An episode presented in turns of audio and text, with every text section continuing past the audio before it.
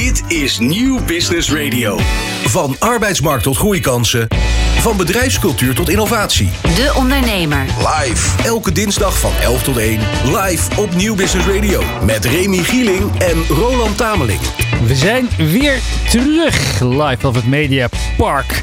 En vandaag gaan we het hebben over, nou ja, niet eens een heel erg vrolijk onderwerp, maar wel eentje die heel erg belangrijk is. Want wat krijg je als, een, eh, als je als directeur van een onder meer Endemol, Talpa, Lost Boys, ja, wat gebeurt er als je een burn-out krijgt?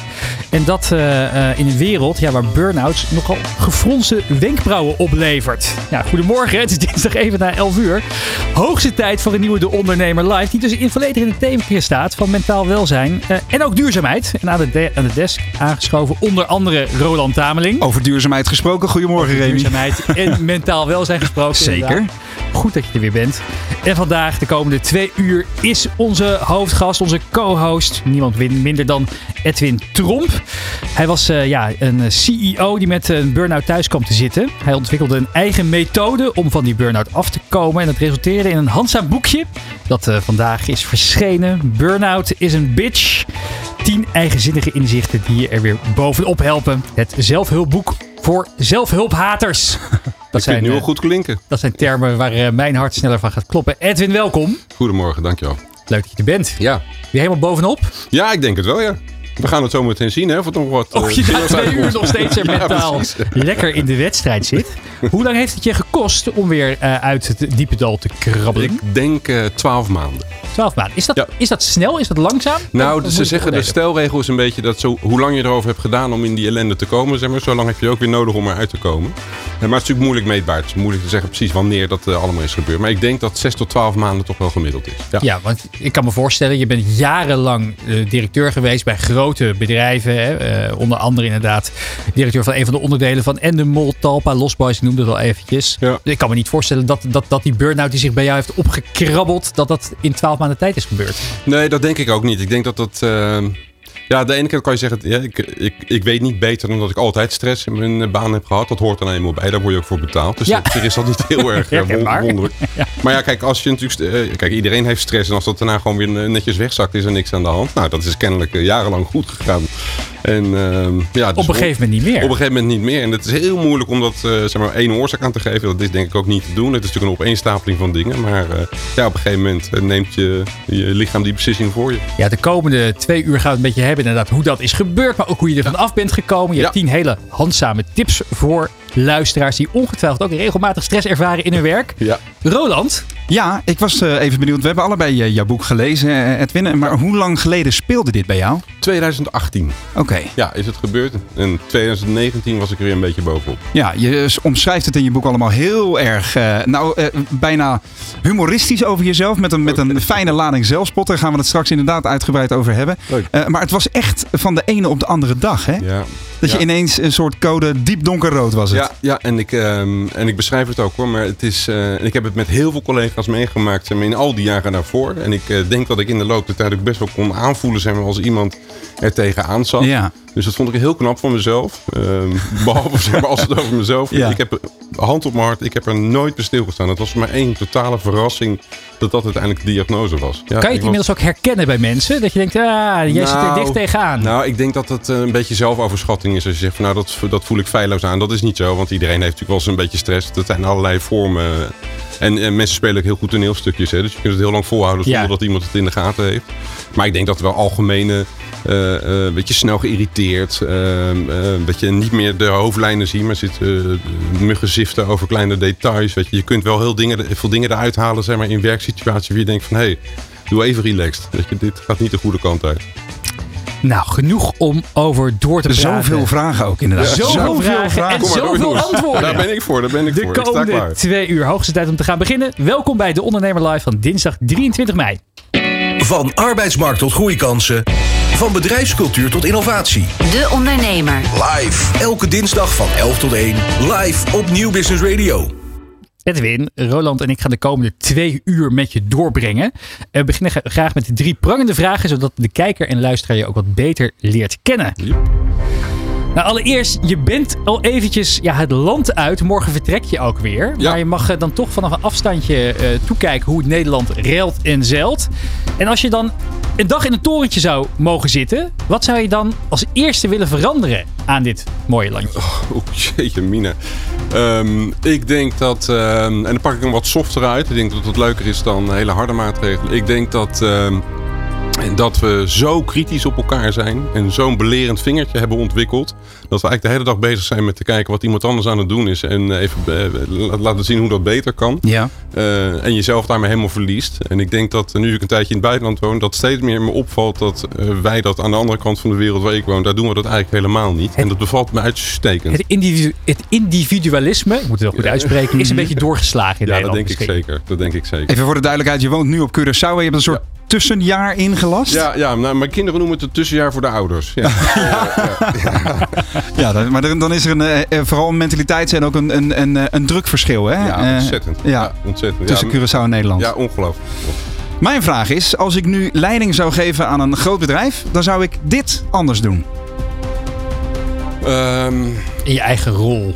ja, in mijn eigen rol dan zou ik dit anders doen. Ik denk dat... ehm, nou, laten we maar eens bij het thema blijven. Ik denk dat het goed is, eh, en zeker, we zitten hier weer met allemaal mannen bij elkaar, dat we als mannen ook eens een keer over mentale gezondheid gaan praten. Ja, En ik denk dat eh, ik heb dat in mijn eh, leiderschap te weinig gedaan.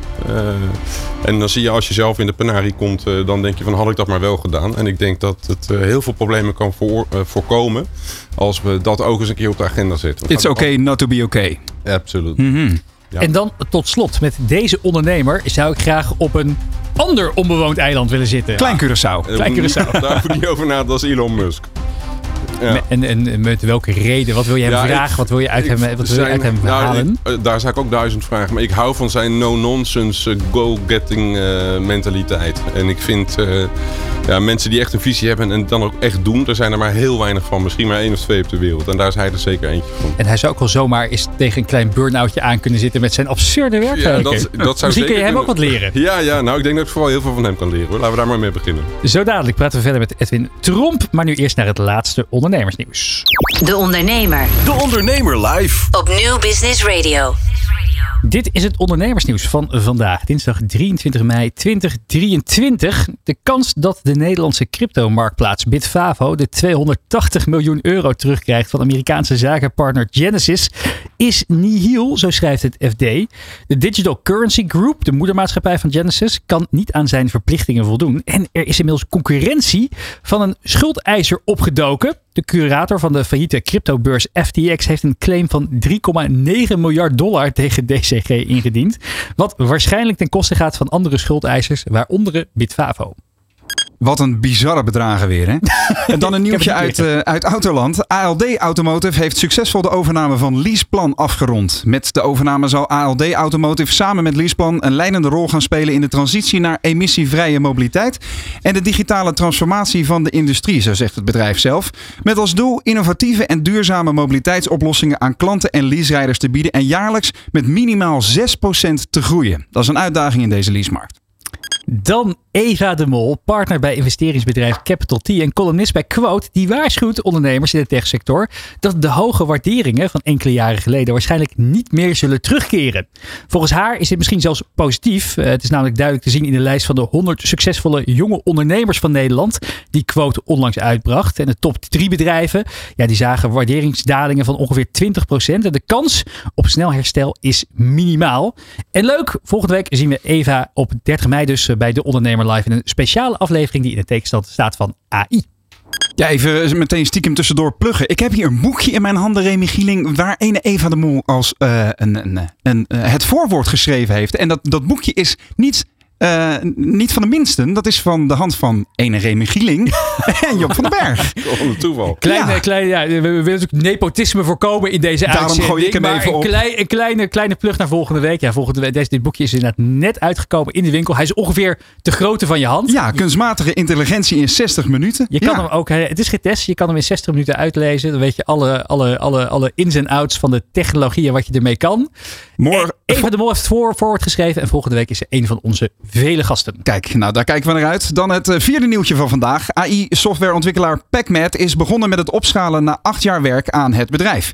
Het OLVG ziekenhuis eh, is het eerste ziekenhuis dat hun product PacMed Critical eh, genaamd in gebruik neemt, gevolgd door vijf andere Nederlandse ziekenhuizen in de komende weken. De software vergelijkt informatie van actuele patiënten met gegevens van tienduizenden voorgaande patiënten, om zo te leren van eerdere beslissingen en het aantal heropnames op de intensive care te verminderen.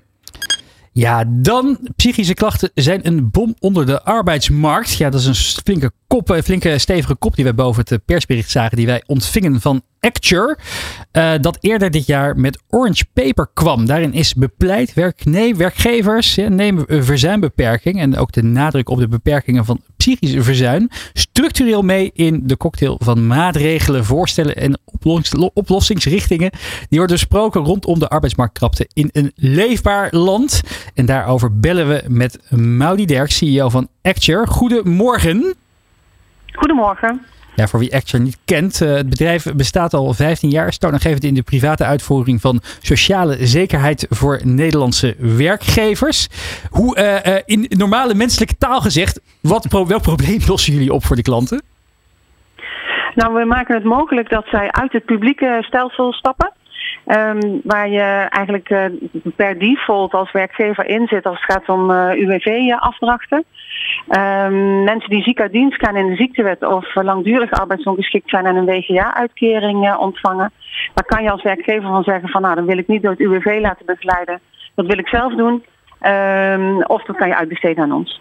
Ja, psychische klachten zijn een bom onder de arbeidsmarkt. Flinke kop inderdaad. Hoe komt dat? Krapte en, en de, de visieuze cirkel uh, waarin je dan terechtkomt uh, dat je te weinig mensen uh, hebt omdat je te weinig nieuwe medewerkers kunt aannemen.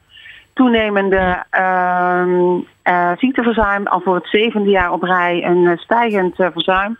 Ehm, psychische klachten die vaak leiden tot langdurige uitval, omdat daar onvoldoende adequaat op wordt ingegrepen. Ja, maakt dat je eigenlijk ehm, jij en je werk, werknemers steeds zieker worden. Je zegt onvoldoende adequaat ingegrepen. Wat is dan wel adequaat ingrijpen? Um, wij noemen dat de Actura-methode. En het is trouwens Acturen, geen Acture. Ah, okay, wij zijn zo internationaal georiënteerd. hè? De Actura-methode. ja. um, en dat betekent dat uh, met name de functionaris of de specialist arbeidsdeskundige in een veel eerder stadium wordt ingezet om uh, de disbalans die vaak de aanleiding is om psychische klachten te ontwikkelen, om die wat, wat robuuster te tackelen. Dus met gesprekken, met zorgen dat er werkaanpassingen worden gedaan. Ehm, en ervoor te zorgen dat, dat de persoon in ieder geval gedeeltelijk aan het werk kan blijven in plaats van volledig uit moet vallen. Edwin Tromp, eh, co-host van deze uitzending. Wat vind je van deze plannen en uitspraken van Acture? Goed Actu ja, ja, nee, je spreekt het zeer goed uit. Um, ja, ik vind het natuurlijk schrikbarend als ik dat. Uh, het is inderdaad een stevige kop, maar uh, ja, het verbaast me ook niks. Het zou me verbazen als het natuurlijk anders zou zijn. Dus ik vind het heel goed dat we bespreekbaar krijgen, dat er naar gekeken wordt. Um, had jij het eerder willen weten? En had je er echt even eerlijk gezegd iets aan gedaan als je dit had, had gelezen? Of had je gewoon lekker de boel de boel gelaten? Nee, nee, nee. Nee, dat denk ik niet hoor. Ik denk dat uh, het is ook je taak natuurlijk als je leider bent van een bedrijf om uh, dit soort dingen in de gaten te houden en, uh, en dat mee te nemen. de vraag is natuurlijk wel, en dat kan ik me heel goed voorstellen, wat moet ik er precies aan doen? Het is heel moeilijk omdat het niet zozeer grijpbaar is. Hè? Dus andere parameters in je bedrijf, die je, hè, productie of marketing of sales, die je veel makkelijker kunt sturen. En dit is natuurlijk iets heel ongrijpbaars. En wat ik net ook zei, Um, er zijn natuurlijk ook nog steeds heel veel uh, personeelsleden die er niet over durven te praten. Hè? Dus wat kun je er dan doen als je het ook niet weet? Hè? Dus dat is een hele moeilijk, uh, als leider zijn we heel moeilijk om dat beter te pakken. Nou, heel goede vraag. Maudie? Ja, precies. Nou, heel herkenbaar. En, en dat is ook de reden dat we hebben geprobeerd om dat verder te concretiseren. We hebben een, um, een signaalkaart ontwikkeld. En dat is eigenlijk gewoon een checklistje. Waarin jij, als jij daar um, uh, nou, één keer per kwartaal bij wijze van spreken gewoon even al je collega's uh, waar je als leidinggevende regelmatig uh, mee te maken hebt. Um, als je daar hen langs dat signaalkaartje zou leggen en je zou daarin symptomen herkennen die eigenlijk nog veel net iets verder weg in de, liggen dan dat er iemand al helemaal in de burn-out zit, um, dan kun je het dus veel eerder bespreekbaar maken. En op het moment dat je het eerder bespreekbaar maakt, kan je ook zorgen voor ondersteuning vanuit een specialist. Die weer um, nou, met mensen uh, die weerbaarheid kan verhogen. Kan zorgen dat, uh, dat die coping uh, goed werkt. En dat mensen zich weer baas voelen over hun tijd. In plaats van dat de tijd baas is over hen. Op die manier heb je dus ook een heel mooi instrument om dat taboe te doorbreken. Waar we het eerder al even over hadden. Dat is een van de grote problemen, denk ik, hè, Edwin. Wat Ja. je net al aangaf. eh, dat, dat er eigenlijk eh, eh, in bepaalde bedrijven zeker niet over wordt gesproken. Hè. Van joh, bij, bij ons zal het vast wel een, een probleem zijn. Maar we geven er eigenlijk geen aandacht aan, want we moeten door. Ehm, en zo'n signa- signaalkaart geeft dan dus duidelijk aan op welk, nou ja, eh, welke, welke schaal eh, een- de psychische problemen van een medewerker zich bevinden. Maar Maudi, is er dan een bepaald kantelpunt waarop je je zorgen moet gaan maken als, eh, als werkgever of teamleider? Ehm, en, en waar het over gaat, is eigenlijk dat je, dat je het niet zo ver laat oplopen dat je er je zorgen over moet gaan maken. Juist door ehm, met die signaalkaart het gesprek veel eerder aan te kunnen gaan. En, en dus daadwerkelijk daarin, wij, wij noemen dat eigenlijk het creëren van een driehoek. Ehm, op het moment dat jij eh, met, jou, ehm, eh, met jouw medewerker in een één op één zit, dan is dat altijd een eendimensionale relatie. Ehm, dat maakt het vaak lastig om dingen te bespreken. Dat is nu eenmaal zo, want je hebt allebei een andere taak, weet je. Eh, eh, je moet brood bakken of je moet de planning rondmaken. Of weet je, je hebt een andere core business dan alleen maar ehm, en, en, en, goed voor, die, voor de medewerker eh, zorgen. Ehm, en op het moment dat je daar een driehoek van maakt door daar een objectieve derde aan toe te voegen. Dat kan in, de vorm van die specialist, die arbeidsdeskundige, kan ook een case manager zijn. Weet je, er zijn echt voldoende ehm, gekwalificeerde ehm, ehm, eh, specialisten voor eh, te bedenken. Dan wordt het een eh, veel losser gesprek. Dan zit het niet zo in die kramp.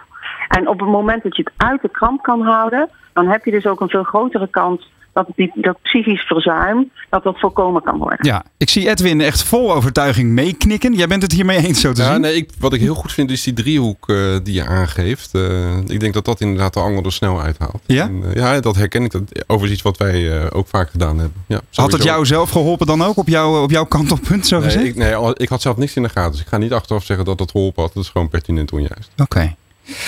Ontzettend goed dat jullie hier eh, aandacht voor vragen. En eh, dat ook eh, met, eh, met de luidkeels doen. Met jullie mooie persbericht. Het hele artikel is te lezen op deondernemer.nl. Maudie Derk, CEO van Acture. Dankjewel voor je bijdrage. De Ondernemer. Live op Nieuw Business Radio. Ik heb even een prangende vraag, Edwin. Ehm, Oh, even even een, een knuppel in het hoenderhok. Je, je zegt nu meerdere keren, ik heb het echt niet aanzien komen. Maar in jouw boek lezen we heel duidelijk, cut the crap, wees eerlijk naar jezelf. Heb jij het echt niet aanzien komen? Hoe bestaat zoiets? Op jouw niveau, ook op jouw, jouw, jouw kwaliteit van denken, zo gezegd. Nou, kijk, als je, als je kijkt naar de symptomen. Hè, dus je bent eh, moe, Ja. eh, overwerkt, veel dingen eh, te doen.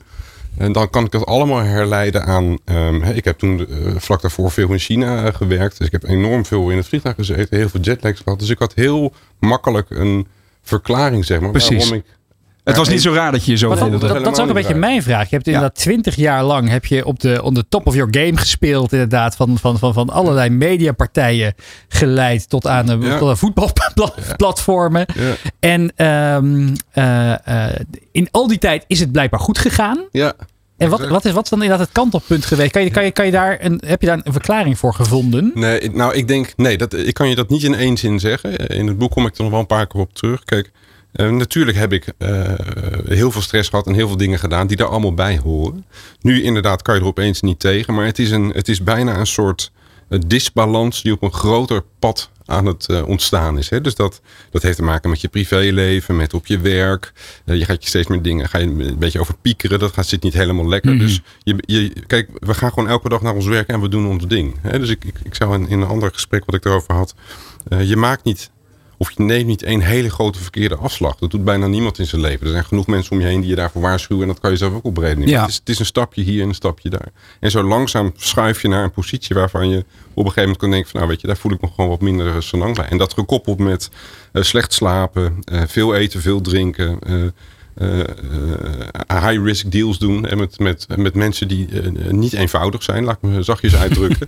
Eh, Veel balletjes in de lucht. veel balletjes in de lucht. Eh, dat zijn eh, complexe, complexe onderhandelingen ook eh, vaak. Ehm, ja, en dan. eh, maar kijk, ik, ik kan me, deze vraag kan me heel goed voorstellen. Het, hetzelfde geldt. eh, je kan je hele leven lekker bezig zijn. Opeens word je depressief. Mhm. Dan kan je vragen, hoe kan het nou dat je dat nou opeens wordt? Ja, dat, dat is het lastige aan het onderwerp. En Ja. dat het zo moeilijk grijpbaar maakt. Nou, en ook wat mensen graag willen weten, om inderdaad bij zichzelf misschien wat tijdig Ja. te kunnen herkennen van is Ja. dit iets waar, waar, waar is dit, dit pad waar, waar ik mezelf Ja. ook op, op Nee, bevind. zeker. Hè? Maar ik kan me ook voorstellen dat er eh, de, de luisteraar en kijker die deze show volgt, het wellicht ook herkent met al de verantwoordelijkheden die bij het ondernemerschap horen. Ja. Je went aan roofbouw hè, op een of andere vreemde manier. Want Ja. je, je- op een gegeven moment is dat nu eenmaal jouw tempo. Is het je workload? Eh, Je, je bent niet anders gewend, dus je blijft maar gaan. Maar op een gegeven moment is die emmer vol natuurlijk. Maar Zeker, ja, zeker, ja. tegelijkertijd is dat ook altijd erg. Hè? We- Het is niet zo gezegd dat, eh, en ik denk dat daar ook verschillen in zijn tussen mensen. Dat we er niet vanuit moeten gaan dat, dat iedereen maar gelijk is. Dat iedereen dezelfde, dezelfde, Nee. dezelfde stress en dezelfde workload aan kan. Nee, Eh, of, of wil aankunnen, misschien ook Ja. wel. Nee, je gaat er nu, kijk, nu gaat het heel erg over om, eh, met mijn achtergrond, zeg maar, als eh leidinggevende in het bedrijf, maar dat, waardoor je relatief misschien wat meer aan, eh, want jouw taak is natuurlijk om de problemen van anderen op te lossen, dat hoort er nou eenmaal bij. Eh, maar dat wil niet zeggen dat iedereen die aan de bovenkant staat, zeg maar, sneller een burn-out gaat krijgen. Dus dat is natuurlijk, eh, sterker nog, misschien is dat helemaal niet waar, dat weet ik niet eens of dat zo is, maar dat kan natuurlijk iedereen overkomen. Het zit natuurlijk inderdaad in alle lagen Het van. zit in eh, alle eh, lagen. Het zit, jij kunt je ook eh, druk maken om heel veel dingen weet je, die op een heel ander niveau zijn. En dat kan je ook een beetje over de klink eh, jagen Ja. uiteindelijk. Ja. Je hoort wel altijd van mensen die hier veel van af weten, dat ze zeggen van het is bijna altijd een combinatie tussen werk en privé. Ja. Ja. Herken je dat? Ja, nou nee, dat herken ik niet. Eh voor mij is dat ook, eh, voor zover ik erover mag eh, oordelen, is dat niet helemaal. Het is echt vaak wel vooral werk. En dat je dat meeneemt naar huis en dat dat problemen veroorzaakt, is wat anders. Maar ik denk dat de oorzaak toch vaak op het werk ligt. Dus dat herken ik niet zozeer. En dat was bij mij ook zo. Ja. Waar, waar heeft het dan mee te maken? Is het dan te maken dat je werk. Neem je, neem je misschien je eigen rol dan te serieus? Nou, Als je het zo'n belangrijk onderdeel Ja. laat zijn van je, van je, van je, van je Nee, mentaal en fysiek ja, welzijn. Ja, nou ik denk dat we ons allemaal veel te serieus nemen. Dus dat is, Ja. eh, dat is denk ik een goede. Maar, eh, en daarom heb ik het boek ook geschreven. Sowieso voor de mensen die er middenin zitten. Of die aan het herstellen zijn. Maar ook om, hè, eh, als je dat nog niet hebt. Omdat je een aantal dingen zult herkennen. Zeg maar, die daar naartoe leiden. Bijvoorbeeld, ik, ik neem, en dat probeer ik dan een beetje grappig te vertellen. Maar er zit ik een serieuze ondertoon. Dus dat mensen zeggen van, oh, ik heb het zo druk, zo druk, zo druk. En we kennen wel dat soort mensen. Hè, die eh, allemaal. En eh, ik erger me daar kapot aan. Weet je, want geen mens heeft het zo druk dat je niks kunt. Dus ja, ik kon die e-mail niet beantwoorden, ik had zo druk. Dan denk je, hoe Ja. kan dat? Je, de- Ja, ja. Dan moet je wel op de, op de beurs werken of zo en miljarden heen en weer schuiven. Zeg maar dat je even niet gestoord wil worden, dat kan ik me voorstellen. Maar voor de rest van de mensen die dat niet de hele dag doen, is het natuurlijk flauw. En dat heeft ermee te maken of je grip op je eigen tijd hebt. En ik denk dat, ehm, en dat zie ik ook, ik heb ook eh, vrienden van mij die werken bij grote corporates. En die hebben 400, 500 e-mails per dag. Weet je? En, die, die, en dan s'avonds ga je dat beantwoorden. En die 500 stuur je natuurlijk dan weer naar iemand anders toe. Weet je? En zo zijn- komt weer een reactie Ja, op. ja. En, En, nu weet ik, ik maak het nu te plat en ik doe heel veel mensen tekort. Maar, maar ik probeer ook even een punten te maken. Dus het grip hebben op. En dat, ik denk dat dat een hele belangrijke is in aanloop naar je, naar je burn-out. Is dat je gewoon geen grip meer hebt op je tijd. Dus je bent hartstikke druk. Ik las gisteren ook een onderzoek van eh, enerzijds Adobe. Die eh, had becijferd dat de gemiddelde professional in Amerika die een kantoorbaan heeft, zo'n vijf uur per dag achter zijn of haar e-mailbox zit. En eh, dat het aantal virtuele meetings, wat we in Ja. corona, sinds coronatijd zijn gaan doen, verdrievoudigd is. Ja. En dat 60% van de mensen eigenlijk inderdaad niet meer het gevoel hebben dat ze nog grip hebben op hun tijd. Nee. Of dat ze nog echt nuttige dingen gedaan krijgen. Zo van Ja. death by meeting, zou je Nee, dat is zo. Ja, ja, ja. Nou, meeting is ook een dankbaar onderwerp. Hè? Dus eh, mijn, mijn leven heeft ook lang bestaan uit zeg maar acht keer een uur een meeting. Hè? Ja. De eerste vraag is natuurlijk waarom een uur? Want als je een uur neemt, dan kost het ook een uur. Hè? Zeker. Terwijl iedereen tien minuten te laat komt. Hè? Dan gaan we nog tien minuten praten over de voetbal. Ja. En dan gaan we nog even de, dit- en dan gaan we eerst de makkelijke onderwerpen bespreken. En dan de laatste tien minuutjes, eh, Ja, en de laatste tien minuutjes gaan we de dingen die echt belangrijk waren. Daar hebben we dan geen tijd voor. Ja. Dus dat, dat is een beetje wat... eh, ehm, eh, bij Google bijvoorbeeld, eh, dat eh, beschrijf ik ook. eh, hebben ze voor mij een experiment gedaan om maar 20 minuutjes Ja. te. Weet je? Dus er zijn kleine dingetjes. Dan kan je zeggen, wat heeft het nou mee te maken? En dat heeft er alles mee te maken. Het heeft alles mee te maken dat je grip hebt. En ook bijvoorbeeld, stel dat, dat ik in, in een van mijn bedrijven, dat iemand zegt, ik zou iets met je willen bespreken. Heb je even tijd voor me? En dan, dan zou ik moeten zeggen, nou, dat, dat, hoe kan je dat nou aan me vragen? Ik denk je dat ik niks te doen heb of zo? Dus ik heb van, nou, hartstikke druk. Allemaal vergaderingen. Morgen ook, overmorgen ook. Maar als je even naar mijn assistent gaat, misschien dat ik over twee of drie weken een gaatje voor je heb. Eh, ja, we lachen erom, maar dat is natuurlijk wel. Ik heb dat waarschijnlijk ook gedaan. Maar jouw taak natuurlijk als baas is natuurlijk dat er iemand op de deur klopt en die heeft jouw hulp nodig. Dat je natuurlijk de deur openzet en zegt we gaan het er nu over hebben. Ja. Weet je, maar dan moet je dus je agenda zo beheren en grip op je tijd hebben dat dat ook kan. Ja. En dat vind ik mooie gegevens. eh, om, eh, en dan zou je ook zien dat alles natuurlijk een beetje in een rustig vaarwater komt. In plaats dat je jezelf achterna loopt. Vond ik ook wel een interessante eh, les die ik uit het boek haalde. Eh, je gaf het voorbeeld van Google. Hè, dat ze, zij, zij begonnen met 60 minuten vergaderen. Dat hebben ze teruggehaald naar 20. En na 20 minuten, eh, las ik in je boek, gaat ook daadwerkelijk het licht uit in Ja. de vergaderkamer. Zo van jongens, het, dit had nu wel besproken moeten zijn. Ja. Dat is een, een heel wijze les voor ondernemers. Dat je het ook op die manier dus kunt implementeren. ja, hè? Heel praktisch. Ja. ja, ik vind dat een fantastisch voorbeeld. Ja. Mag ik een ontboezeming doen, eh, Remy? Nou, ik ben ontzettend benieuwd. Oké. Ik ben wel een beetje geschrokken tijdens het lezen van dit boek. Ja, want ehm, je weet het wel. Hè? En, en heel veel mensen zullen zeggen: Ah, joh, eh, het- weer zo'n zelfhulpboek inderdaad voor mensen die, eh, eh, eh, die, die eh, grip op hun tijd aan het verliezen zijn. En er zullen er een hoop zijn die zeggen: Wat een onzin. Ik las ook al andere, ik zag andere interviews met, eh, met, eh, met jou die zeggen: Joh, wat een, wat een futiel eh, eh, informatielaag zit er eigenlijk in je boek. Eh, maar als je het leest eh, vanuit een persoon die inderdaad toch wel te vaak zegt per dag: Ja, jongens, heb ik eigenlijk echt geen tijd voor. En s'avonds laat en s'nachts nog dingen zit af te ronden. Herkenbaar, zeg ik, uit mijn persoonlijke situatie. Dat ik denk, ik zit er toch misschien wel dichterbij dan je zelf zou willen toegeven. Ja. En eh, dat is best, eh, dat vind ik eigenlijk best wel bijzonder. Ja, Dat je denkt, ja. oké, misschien moet de tabeling even, even een paar tikjes naar links toe. Ehm, Nou, dan is missie geslaagd. Nou ja, precies. Maar ik denk dat er een hoop mensen zijn. Ik bedoel, eh, dat nee, nee, nee. Maar, maar- maar het zit natuurlijk ook heel erg Ga je er ook iets aan doen? heel erg aan het diertje, weet je wel. Ik, ik bedoel, dat, eh, als ik even maar zo mag spiegelen. Roland, dit weet ja. je toch al jaren? Jawel, ja, tuurlijk. Ik weet dit ook wel eh, al jaren. En je hebt het ook al maar, heel vaak over gehad. Dus dit is toch niet zo dat, dit- dat je nu dit, le- dit leest dat je denkt... Nee, maar het is ik wel- ga mijn leven radicaal omgooien. Nee, maar het is wel anders om het eventjes op een, op een rijtje te zien staan, zeg maar. Als je, als je gewoon even de... De, De symptomen, laten we de symptomen De, symptomen inderdaad. eh, eh, nou ja, en ik, ik had iets anders even naar voren gehaald in het boek. Ik heb hier de pdf voor me inderdaad. Die, eh, ehm, eh, eh, ja, ik wil, ik wil zo even doornemen Ja, hier, ik, heb, ik heb hem ook inderdaad. Roland, slecht slapen, lang wakker liggen. Nou, ik slaap als een baby en ik lig niet, niet snel wakker. Maar dat komt vooral omdat ik s'avonds toch echt wel eh, zeg maar alles heb gegeven op de dag. Ja, herkenbaar. herkenbaar. Hoe slaap je nu? Edwin? Ja, ik slaap nu ook goed. Ja. En voorheen vreselijk slecht. Ja? Ja, zeker. Hoe zag dat eruit dan in jouw geval eventjes? Nou, een uurtje. Echt En- waar? Ja hoor. En dan, eh, en dan een uurtje YouTuben. Ja. En dan eh, weer een uurtje. Zo, een beetje... Maar dat kwam dan door het piekeren?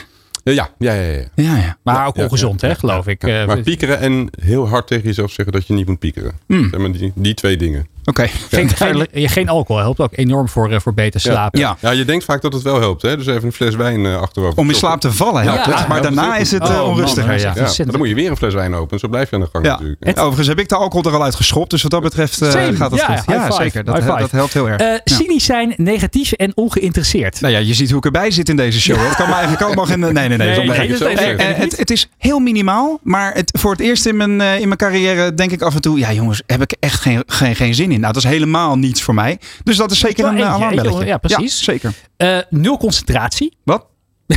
Ja, ontzettend. Ja, mega. Maar dat, dat zit in. En, en dat is ook een beetje de, de interessante eh splijtswam tussen wat is er nou aan de hand en wat is onderdeel van je persoon. Ja. Ehm, eh, van nature ben ik al in heel veel dingen geïnteresseerd. Dus ook heel snel afgeleid. En heel snel denk je van, hé, hey, dit is, dit is, eh, is dat nou daadwerkelijk een signaal van code rood dat er aankomt? Of is het een deel van je karakter? Tikkeltje Dat is- ADHD Wat? Ja, nou ja, maar dat is, dat is absoluut aan de hand. Nee, zeker. dus in hoeverre is dat nou een, een, een rode vlag? Nou, ik denk dat het uiteindelijk is de optelsom. Hè? Dus wat je nu aan het doen bent, uiteindelijk ga je onder de streep kijken. en Zeg maar, heb ik ze allemaal aan kunnen vinken Ja. of niet? Nou, ik kon ze allemaal aanvinken. Dat eh, gaf ik ook eerlijk toe. Ja. Eh, maar kijk, het, eh, als jij slecht slaapt, is niet per definitie natuurlijk dat je naar een, naar een burn-out onderweg bent.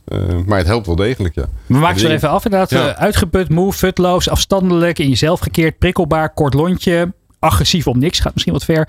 Makkelijk huilen, sneller emotioneel dan normaal. Gejaagd gevoel, machteloos, geen grip hebben. En niet tegen geluiden kunnen. Ja, met jouw favoriet, nee, de storende FM-radio. Oh, hou op. Daarom is dit allemaal digitaal, hè? Ja, leg Ja. eens uit. De storende FM-radio. Ja. Ja, ik, ja eh, nou, ik, nu kan ik het weer prima tegen. Maar er zijn inderdaad van die geluidjes die eh, in de auto. Als die, eh, die zender dan begint te storen. En voor je gevoel staat hij dan ook knijterhard. Wat helemaal niet waar is. Maar, eh, maar eh, over het algemeen. En ik heb er ook nog een hoofdstuk aan gewijd. Zoals jullie hebben gelezen. Het is een van mijn favoriete onderwerpen ook. geluiden. En de, het boos worden om geluiden. Dat is, natuurlijk ridicuul. Maar ja, het- ja, ik kan niet anders dan toegeven dan dat het... en ik meen ook dat heel veel andere burn-out collegaatjes precies hetzelfde hebben.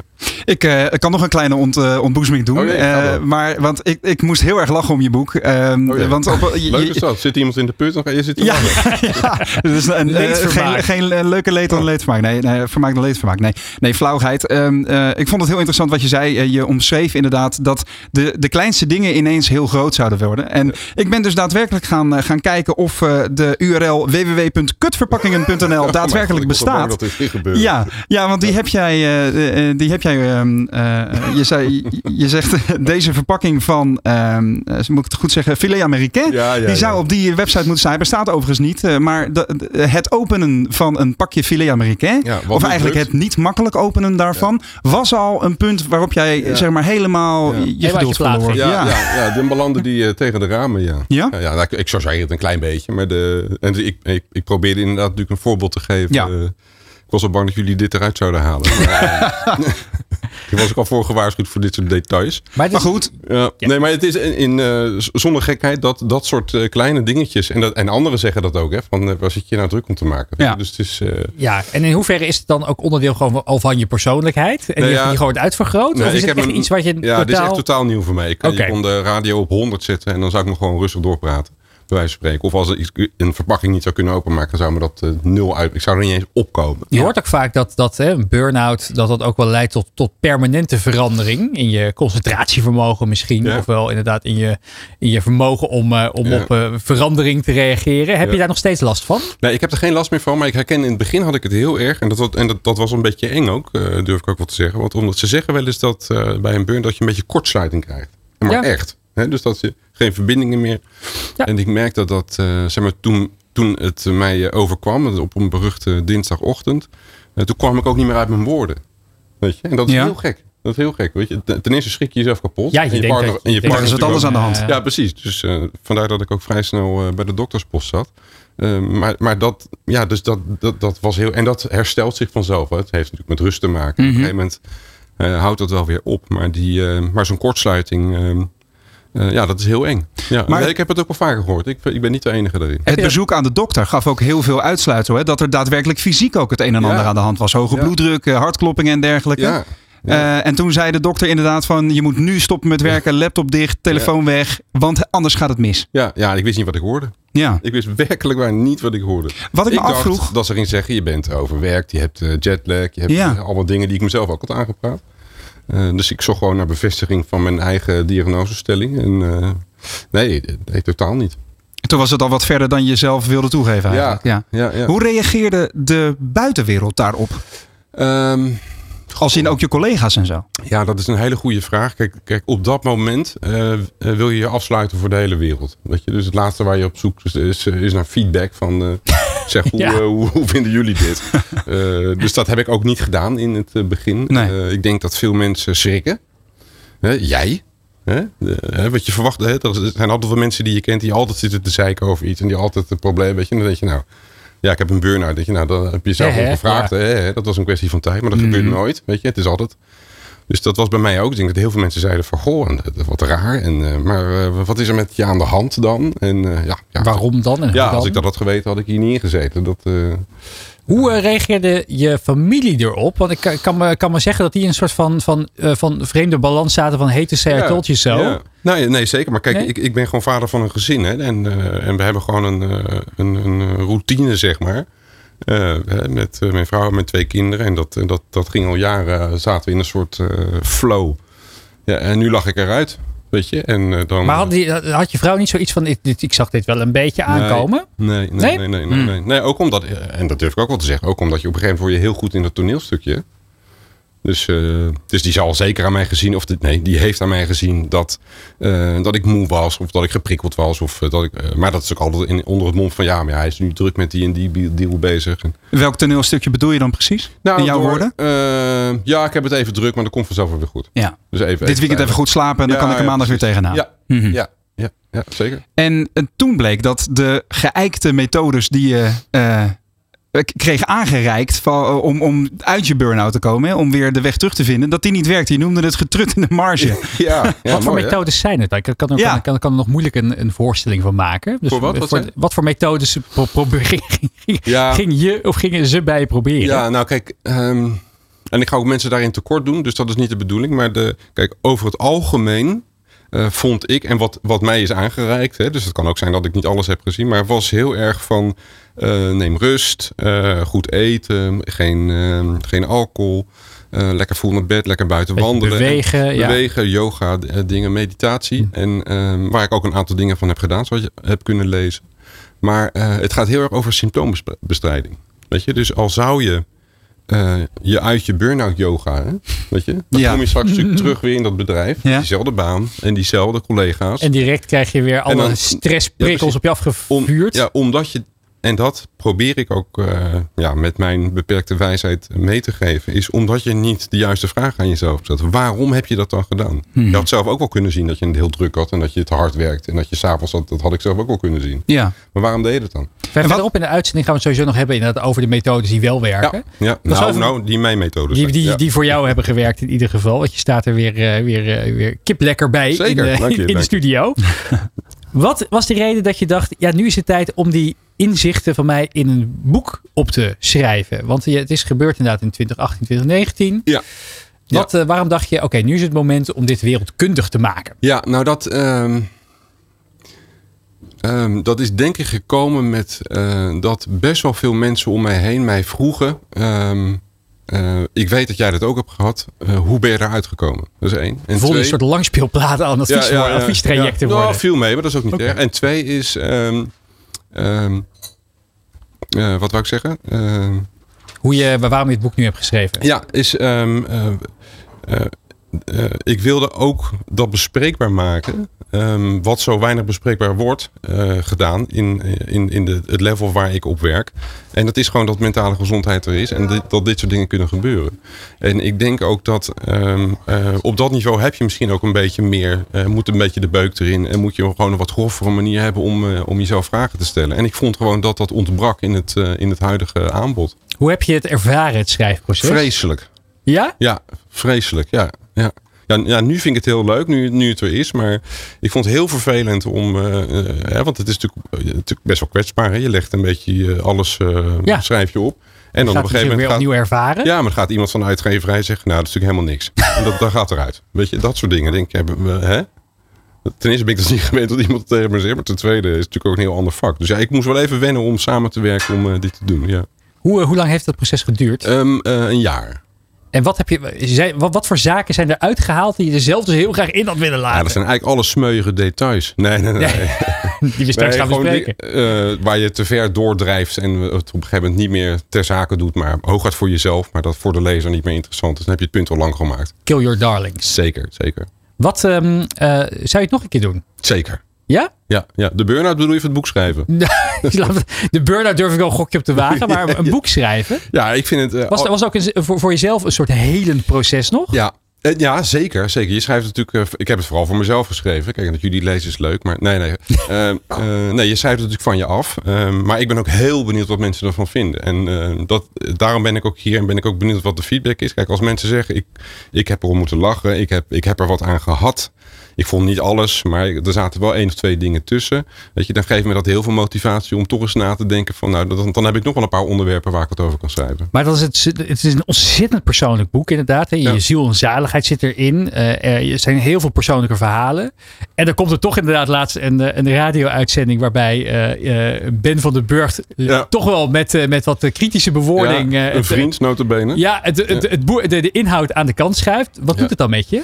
Nou, dat vind ik, dat vind ik vervelend, maar dat, daar ben ik op voorbereid. Omdat wat daar gebeurde precies is waar we het net over hadden. Dat is wanneer mannen gaan praten over mentale gezondheid. Dan gaan we erover lachen doen. Ja. Ja, dus dat, eh, en dat gebeurde daar. Nou, dat viel me Ja. op. Ja. Ja, ja. En dat, eh, dan is dat dan maar zo. Ik, bedoel, het is, ik, ik probeer het bespreekbaar te krijgen. En als. eh, kijk, en Ben heeft daar niet zo weinig mee. En dat, dat is een goed recht. Het, is, het zou een beetje raar zijn natuurlijk dat ik van tevoren opleg dat iedereen enthousiast moet zijn. Eh, Wilfred dacht er wat anders over volgens mij. Maar eh, Ja, zo gaan die dingen. zeker. Maar Ja. wat, een van de dingen die ik daar ook in hoorde was dat hij zei van ja, het, ik weet niet wat dit nog toevoegt aan, aan de boeken die er al zijn. Daar denk ik natuurlijk anders over. Ja, ja. ja, maar voor mij heeft hij houdt niet van deze boeken. Ik denk niet dat hij er heel veel van heeft gelezen. En hij, kijk, hij, als topsporter herkent hij heel veel dingen hiervan. Weet je? En Keihard bijvoorbeeld- werken, tot het Ja, uiterste ja, gaan. Ja, maar ook bijvoorbeeld het visualiseren hè, van je toekomst. Waar ik een heel onder. eh, dat, Ja. komt, dat komt uit de topsport, dat komt uit de commando's, uit de Navy SEALs. Dus dat zijn dingen die hij zegt, ja, dat ken ik al lang. Ja, dat weet ik. Alleen de rest van de, Nederland ja, weet dat de niet. gemiddelde. eh, Ja, de gemiddelde. Dus ik denk dat. eh, eh, dus, en maar volgens mij zei hij ook van toen hij het net las, dacht hij. hmm, hmm, en later in de week dacht hij van hé, hey, nu herken ik opeens heel veel dingen. Dus volgens mij had ik mijn punt stiekem wel gemaakt zonder het hardop te zeggen. Zo dadelijk in de uitzending gaan we het hebben inderdaad over alle briljante inzichten die jij zelf hebt opgedaan. Inderdaad hoe je uit een burn-out bent gekomen en wat luisteraars daarvan kunnen leren. Maar eerst gaan we naar het onderwerp duurzaamheid. Dit is De Ondernemer live op Nieuw Business Radio. Vattenfall helpt ondernemers en bedrijven om het eenvoudig en betaalbaar te maken om duurzaam te kunnen ondernemen. Horeca-ondernemer Luc Sluiter is al even begonnen met het verduurzamen van zijn restaurant. En ook is eh, Vattenfall-expert Benny Parisius eh, hij aangeschoven. Hij is energieadviseur zakelijk en eh, staat hier in de studio. Ja. Welkom beiden. Dankjewel. Dankjewel. Leuk dat jullie er zijn. Ja, Benny, allereerst eh, jij. Hoe moeilijk of makkelijk is het eigenlijk om bedrijven mee te nemen in een, eh, ja, dat onderwerp van duurzaam ondernemen? Het is natuurlijk zo'n on- zo'n hot topic op het moment. Ja, Je zou denken, iedereen is ermee bezig. Nou ja, wat wij zelf merken, wat ik zelf merk, is dat eh, ondernemers vaak wel met duurzaamheid aan de, aan de slag willen. Maar ze weten vaak niet waar ze moeten beginnen. En wat natuurlijk eh, de main reason is, dat ze denken dat het veel kost. Dus dat, dat kom ik vaak tegen op de markt. Maar ja, ik bedoel, met verduurzamen, ja, je kan zo laagdrempelig mogelijk beginnen. En daar kunnen we ook in adviseren. Dus ondernemers maken het in hun hoofd iets heel groots, terwijl je ook gewoon klein kunt beginnen. Nou ja, ik wil niet generaliseren natuurlijk, maar dat is mijn ervaring. Dat is mijn ervaring. Is het ook duur? dat is het andere ding wat ze zeggen. Nou ja, kijk, je kan het zo gek maken als je wil natuurlijk. Ik bedoel, kijk, eh, sommige ondernemers die beginnen laagdrempelig. En vaak kijken wij dan samen met de ondernemer wat de mogelijkheden zijn. En of er überhaupt een budget voor is. Nou, is er geen budget? Nou, dan kunnen we op andere manieren kijken hoe we zeg maar kunnen verduurzamen. En is er wel budget? Ja, dan eh, kunnen we aan de slag. Nou, zo dadelijk in de uitzending gaan we toch nog even proberen te prikken op dat stukje van aan wat voor budgetten moeten we dan denken als ondernemers. Want we zijn natuurlijk toch allemaal pragmatisten daarin. Luc, Ja. even naar jou. Je bent eigenaar van restaurant Belvedere in Gouda. Ja, duurzaamheid is bij jullie een belangrijk thema. Ja, ja, klopt. Het is eh, een belangrijk thema. Je probeert er, je hoort natuurlijk de afgelopen jaren heel veel in het nieuws. En je gaat er zelf ook steeds meer mee bezig zijn. Aan de ene kant natuurlijk je uitstraling eh, naar, naar de consument, naar de gasten toe. Eh, naar de wereld toe, wat je in, in de media dus veel hoort. Maar ook aan, uiteraard wat, wat mijn collega hier zegt, je portemonnee. Kijk, uiteindelijk wil je investeren om, om er aan het einde van de rit wat aan over te houden. Dus op die manier zijn we een beetje gaan kijken in de afgelopen jaren met inderdaad hele laagdrempelige dingen zoals een thermostaat met klokken erin, zodat je s'nachts, als je er niet bent, dat temperatuur naar beneden gaat. Heel simpel, wat heel veel mensen onderhand ook thuis hebben. Maar zo zijn we de afgelopen jaren wel met flink wat grotere investeringen bezig geweest, waaronder eh, met Sit Heat een, eh, een samenwerking aangegaan vorig jaar.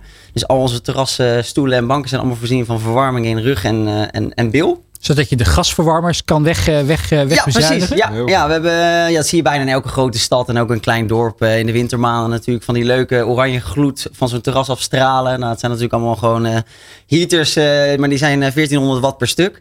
En dan hangen er bij ons 18 en dan hebben we ook nog vijf van die leuke gaspalen met van die vlammen, zodat het aan een leuke sfeer geeft. Maar natuurlijk ook de behagelijkheid en de warmte die mensen eh, graag willen hebben om op het terras te zitten.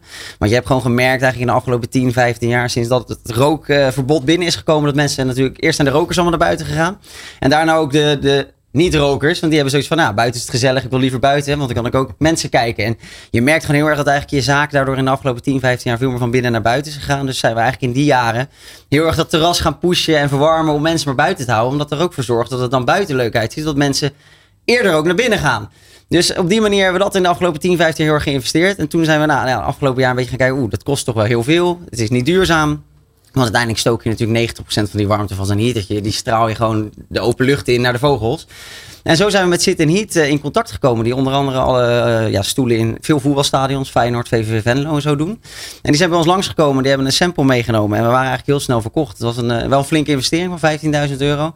Maar je merkt daardoor eigenlijk dat je dus die gasheaters en die elektra heaters van 1400 watt eigenlijk nog maar een, ja, We doen ze nog wel een beetje aan, omdat het ook gewoon leuk eruit ziet. En die oranje gloed mensen, ja, vanaf het begin van het plein, als het plein oplopen, leuk vinden om, eh, om te zien. Dus, eh, maar ik denk dat we ze nu nog maar ongeveer 30 tot 40 procent aan hebben staan ten opzichte van de 100 procent hiervoor. Ehm, en het aantal watt van één zo'n kussentje is maar, eh, is maar 20 watt. Of 40 watt, sorry. Benny? ja, per, Ben- per kussen. Ja, Benny, een heel mooi concreet voorbeeld. Dit Ja. soort, eh, is- kom je tegen dit soort mooie inspirerende voorbeelden van ondernemers die echt actief bezig gaan met, goh, we hebben inderdaad, we, we merken dat we ergens mee zitten met een uitdaging. We hebben inderdaad, we zitten met al die, eh, al dat, eh, al die elektriciteit, of soms nog gas wat verstookt wordt voor bijvoorbeeld verwarmen we ons terras. Ja. Wat zijn er, welke alternatieven zijn er? Want die alternatieven zijn er vaak wel natuurlijk. Ja, tuurlijk. Er zijn er zat alternatieven. Alleen ja, je moet even kijken. Wat wil de ondernemer en wat kunnen wij daarin betekenen? Nou, ik vind het mooi dat eh, hij net over Sit and Heat heeft. Dat is toevallig ook een van onze partners. Om even zeg maar duidelijk te maken wat wij doen. Ehm Vattenfall heeft ook een nieuwe weg. Iedereen kent ons natuurlijk van de energie. Maar we hebben ook een nieuwe weg ingeslagen. Nou, ons motto is fossielvrij binnen één generatie. Dat is zeg maar ons slogan. Maar wat wij doen, wij werken samen met partijen. Dus eigenlijk, ik als adviseur zijnde ben eigenlijk een soort van lead generator. Ik ga bij de ondernemer langs. Ik kijk wat voor elkaar kunnen betekenen. Waar wil de ondernemer mee starten? En zo kan ik dan een van onze partners inschakelen. En dat is zeg maar een beetje onze werkwijze. We hebben een mandje met partners, waaronder ook Sit Heat. En eh, nou ja, we kijken gewoon wat de wensen zijn. En ja, precies wat hij aangaf. In eerste instantie kijkt de ondernemer naar de kosten natuurlijk. Maar ja, als ik samen met de ondernemer ga kijken wat het oplevert. Ja, als dat groter is dan de kosten. Zijn vaak ondernemers worden vanzelf enthousiast daarin. Luc, wat, eh, wat, wat zijn nou zaken waarvan je zegt, ja, dit, dit, dit, dit heeft inderdaad naast die terrasverwarming, heeft ons echt heel veel profijt opgeleverd. Ja, wij we hebben vorig jaar ook bijvoorbeeld al onze verlichting binnen helemaal laten aanpassen. Dus dat is een tweede grote investering die we vorig jaar hebben gedaan. We zijn eigenlijk sinds een jaartje of twee dus echt pas met grote dingen aan het verduurzamen. Ja. Eh, dus we hebben echt alle complete lichtinstallatie. Dus vanaf de kast die alles aanstuurt tot en met elk simpel spotje, bolletje, sfeerverlichting. Alles is er helemaal uitgehaald en eh, compleet vernieuwd. Eh, dat je daarmee ook inderdaad beter je licht kan reguleren. Maar ook het aantal watt per lampje en zo veel, eh, veel efficiënter is. En dus inderdaad ook die, die kussen. Dat zijn de twee grootste dingen die we in het afgelopen jaar hebben gedaan. Voor de rest echt qua pand verduurzamen hebben we niet heel veel gedaan. Omdat ons pand in 2006 eh, helaas helemaal is afgebrand. Dus toen is het compleet die- nieuw opgebouwd. lange Dus redelijk goed geïsoleerd en dat soort dingen zitten er al in. Het is niet een heel oud, het is wel een historisch pand. Maar het is dus helemaal her- hergebouwd. Dus qua isolatie en zo zit dat allemaal goed. Dus wij zijn meer inderdaad op die manier aan het zoeken. Van oké, waar kunnen we gaan verduurzamen en waar levert het ook nog wat op? En, vorige, vorige week hadden we iemand in de uitzending die vertelde inderdaad over, over het belang van LED-verlichting. Omdat gewoon de, de, de traditionele verlichting zoals we die kennen, is nog alom vertegenwoordigd. Hè, van de TL-buis tot naar. Je, eh, je kan zo gek niet bedenken of we hebben nog, nog, eh, nog, nog de oude manier van verlichten in kantoren en panden hangen. En hij zegt ja, ondernemers die, die wachten vaak heel lang totdat zo'n ding een keertje stuk is. En gaan dan een keertje kijken naar, naar, naar LED-alternatieven. Ja. Jij zegt dus, we zijn heel bewust. We, de- we denken, ja, ze doen het nog wel. Maar Ja. we, we kunnen zoveel besparen als we die verlichting veranderen. Ja. Ja, klopt. Ja, en ik, eh, ook de kwaliteit is nu zoveel mooier dan de verlichting die er dus al 10, 15 jaar in hing. Het is allemaal een beetje wat meer saaier wit licht. En tegenwoordig zijn al die lampen zo, zo doorontwikkeld dat ze A, veel zuiniger zijn, maar ook een veel mooier soort warm, warm wit licht geven. Dus ook voor de sfeer in de zaak binnen geeft het een veel mooiere uitstraling. Benny, kan je eens even ons meenemen in de stappen die je zet als je een ondernemer wilt helpen om te kijken waar ze kunnen verduurzamen binnen hun organisatie? Nou ja, allereerst ga ik natuurlijk het gesprek aan. Door middel van eh, vragen te stellen, open vragen te stellen. Daarna vragen aan de ondernemer om even een rondje samen met hem door de zaak te maken. En dan kijken, ja, eh, dingen die hij zelf aangeeft. En soms zijn het dingen waarbij hij zegt, ik, ik kom ondernemers bijvoorbeeld eh, als voorbeeld tegen. Die zeggen van, nou ja, wij zouden graag eh, zelfvoorzienend zijn. eh, op het gebied van, van stroom. Ehm, maar ja, zonnepanelen. Ik heb het budget niet om te investeren in zonnepanelen. Nou ja, dan kunnen we kijken naar een alternatief. Want wij hebben natuurlijk ook een, een huurkoopsysteem Ja. voor zonnepanelen. Nou, dat is een goed alternatief. Daar heb je geen investering voor nodig. Je maandkosten die zijn lager dan je normale energierekening. En je kan het systeem ten alle tijde kopen. Ieder jaar gaat er een eh, marge van 5% vanaf. Dus dat is ook een oplossing. Luc, je zegt, je een- is- sorry, nee, gaat. Ja. Nee, ik ben benieuwd, heb je, heb je een mooi voorbeeldproject waar je het meest trots op bent? Eh, nou ja, ik, ik, ik heb er een aantal. Nou, ik, eh, nou, dat zal ik even vertellen. Ja, ja dat vind ik wel grappig. Ja. nou, ik, ik zat laatst bij een ondernemer. Ehm, nou, en die ondernemer die gaf aan... eh nou, ik had een offerte voor hem, indicatieve offerte gemaakt. En eh nou kwam een bepaald bedrag uit. En de ondernemer die gaf toen aan, die heeft toen contact opgenomen met een van onze partners, dus Solis, voor de zonnepanelen. En die gaf uiteindelijk aan mij aan van, ik, ik vind het kostenplaatje toch iets te hoog. Had hem als koop. Toen heb ik tegen hem gezegd van, eh, ja, maar waarom huur je hem niet? Hij zei, ja, maar ik ga over anderhalf jaar ga ik stoppen. Ik zeg, is de eigen pand? Hij zei, ja, het is een eigen pand. Ik zeg, wat ga je met het pand doen? Hij zei, er komen huurders in. Ik zeg, nou ja, als jij jouw huurders laat betalen voor die panelen, waarbij je huurders voordeliger uit zijn, dan wordt het systeem gewoon afbetaald. Jouw, eh, jouw pand wordt meer waard natuurlijk, omdat je natuurlijk zonnepanelen op het dak hebt. Jij draagt die kosten niet. En op het moment dat je huurders eruit zijn, mocht dat na 10 jaar zijn, dan is er 50% van de zonnepanelen, die zijn al afbetaald. Dus dat behoort ook tot de mogelijkheden. Nou ja, dat, dat, dat vond hij wel interessant. Hij zei, hey, ik heb dus een systeem. Mijn huurders die zijn blij, want die gaan minder betalen voor Elektra. En het systeem wordt afbetaald. Dus ja, en, en dan denk je mee met de ondernemer. Hoe, eh, eh, Luc, je hebt inderdaad een paar mooie stappen al gezet. Met eh, de, over het stappen naar ledverlichting onder andere. Maar ook het, eh, de terrasverwarming te verduurzamen. Wat, ehm, eh, wat levert je dat op? Ja, concreet is dat nu nog, vind ik nu nog heel moeilijk in te schatten. Kijk, bijvoorbeeld zeker met die LED-verlichting. is- is Ook die hele, het systeem daarachter is helemaal vernieuwd. Er zijn niet alleen een paar bolletjes. Het heeft ook een investering van 14.000, 15.000 euro geweest. Dus dat is, dat is heel moeilijk om nu op, de, op, op mijn rekening te kijken van wat heeft dat nou gedaan. Kijk, ik denk wel met die, met die sit en heat dat dat een... eh, Het idee was om dat binnen een aantal jaar terug te verdienen. Maar kijk, je hebt, het verdienmodel zit aan twee kanten. Aan de ene kant is het mijn kosten drukken aan mijn energie wat ik niet verbruik. Maar aan de andere kant is het wat ik nu heel erg in de afgelopen maanden heb gezien. Is dat wij de enige in Gouden en omstreken zijn die dat hadden. Op een gegeven moment weten mensen ervan. En denken, oh, dat is lekker op dat terras zitten. Dan wordt mijn rug en mijn bil gewoon verwarmd. En je zag gewoon in januari, februari, maart, wanneer het koud was. En we hebben overal regengoot in zitten. Is helemaal eh, kurkdroog, om het zo te zeggen. Want ons terras als eerste vol zat in de ochtend. Dus onze lunch zat als eerste vol. Onze borrel zat als eerste vol. Dus ik dacht eerst na drie, vier jaar heb ik het pas terugverdiend. Ik, ja, ik, ik- moeilijk inschatten. Maar ik denk dat ik bij spreken 80% of misschien heel die kussens nu na vier, vijf maanden al terug heb verdiend. Omdat in al die maanden, wanneer het normaal gesproken redelijk rustig is, ons terras eigenlijk als Altijd lekker vol vol zat. Ja, mensen blijven toch een soort ja, kuddedier noem ik het altijd. En als je het plein oploopt, zit op het centrale plein in Gouda. En in ons terras zitten al 17 mensen. En bij de buren twee en daarnaast drie. En daarna denken we, als, ah, daar zal het wel goed zijn. Ik ga er lekker zitten. Ja. Dan moet je natuurlijk nog wel die verwachtingen eh, Waarmaken. waarmaken. Maar ja, dan heb je, heb je de eerste slag al die gewonnen. daar zitten, hoor. Ja, ja, ja, ja, je hoort het wel eens dat sommige mensen dat dus dat doen. zou Dat ik is gewoon, doen. ja. Tuurlijk. En, en dus dat is ook aan de andere kant natuurlijk deels dat mijn energierekening naar beneden gaat. Maar aan de andere kant, mijn omzet is ook echt, echt goed gestegen in de afgelopen maand door die investeringen. Merk je nou ook dat het aan de medewerkerskant eh, een bijdrage levert? Je hoort natuurlijk dat heel veel ja, mensen toch graag ergens werken waar ze ook een steentje bijdragen aan een duurzame toekomst. Merk je ook dat daar enthousiasme over is over die initiatieven die je hierop neemt? Ja, kijk, het is vooral ook een beetje ze bewust maken van, zeg maar. Weet je, vroeger deden we de terras iets allemaal om 9 uur 's ochtends aan. En s'avonds om 11 uur, wanneer we de deur dicht deden, deden ze allemaal weer uit. En nu ben je samen met elkaar aan het kijken van hoe kunnen we dat beter inrichten in zo'n dag. Dus nu doen we ze niet om 9 uur aan, maar pas om half 11. Doen we er 3, 4 aan in plaats van 16. Zodat je toch die gloed hebt, dat je een beetje van twee kanten. Dus daar probeer je ze in te betrekken, zeg maar. En daarin zie je zelf vanuit hun kant ook met ideeën komen. Oh, zullen we wel eens die gaspalen alleen aan de voorkant aandoen? Want die zie je als je het plein op komt lopen en die andere zie je toch niet zo goed. Dan laten we die uit. Dus je ziet dat ze wel aan het meedenken zijn. En dat maakt het wel ook heel leuk. Benny, we hebben deze week een poll geplaatst op de website van De Ondernemer en ook op de LinkedIn-pagina. We stelden de vraag, is verduurzamen voor jou een prioriteit? En heb je al stappen gezet, hè, beste ondernemer? Ja. Daaruit bleek dat onder meer 43% zegt, ja, we hebben tenminste onderzoek gedaan naar hoe we zouden kunnen verduurzamen. Maar 31% zei ook, ja, ik heb op dit moment andere prioriteiten. Verbaas je dat? Of is dit een beetje wat je ook al proeft in de markt? Nee, dat, dat, dat verbaast me niet. Verbaast me niet. Het is natuurlijk op dit moment een hot item. Maar heel veel ondernemers zijn er nog niet mee bezig. Die zeggen van, nou ja, oké, eh, in hun mindset kost het gewoon heel veel. Terwijl ik zeg altijd, verduurzamen begint bij jezelf. Kijk, op het moment dat jij, noem maar een gek voorbeeld, eh flatscreens hebt staan. En die laat je op standby staan.